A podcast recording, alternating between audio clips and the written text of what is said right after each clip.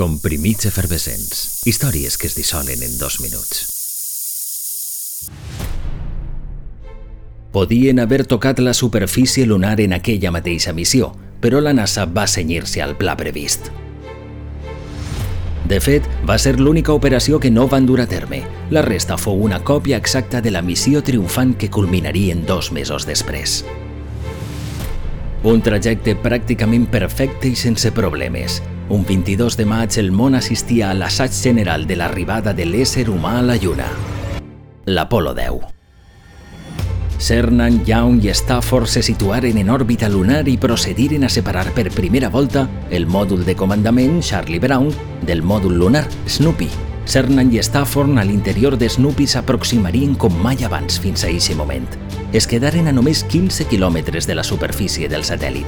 Posaren a prova tots els sistemes i efectuaren infinitat de fotografies.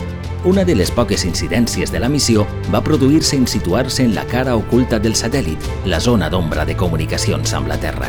En una conversa gravada i que no es faria pública fins 2008, els tres astronautes van sorprendre's davant un inesperat soroll que van sentir durant vora una hora la NASA va considerar que el seu origen podria ser alguna classe d'interferència tècnica, una explicació poc rigorosa que abonaria el terreny per a les ja clàssiques teories conspiranoiques.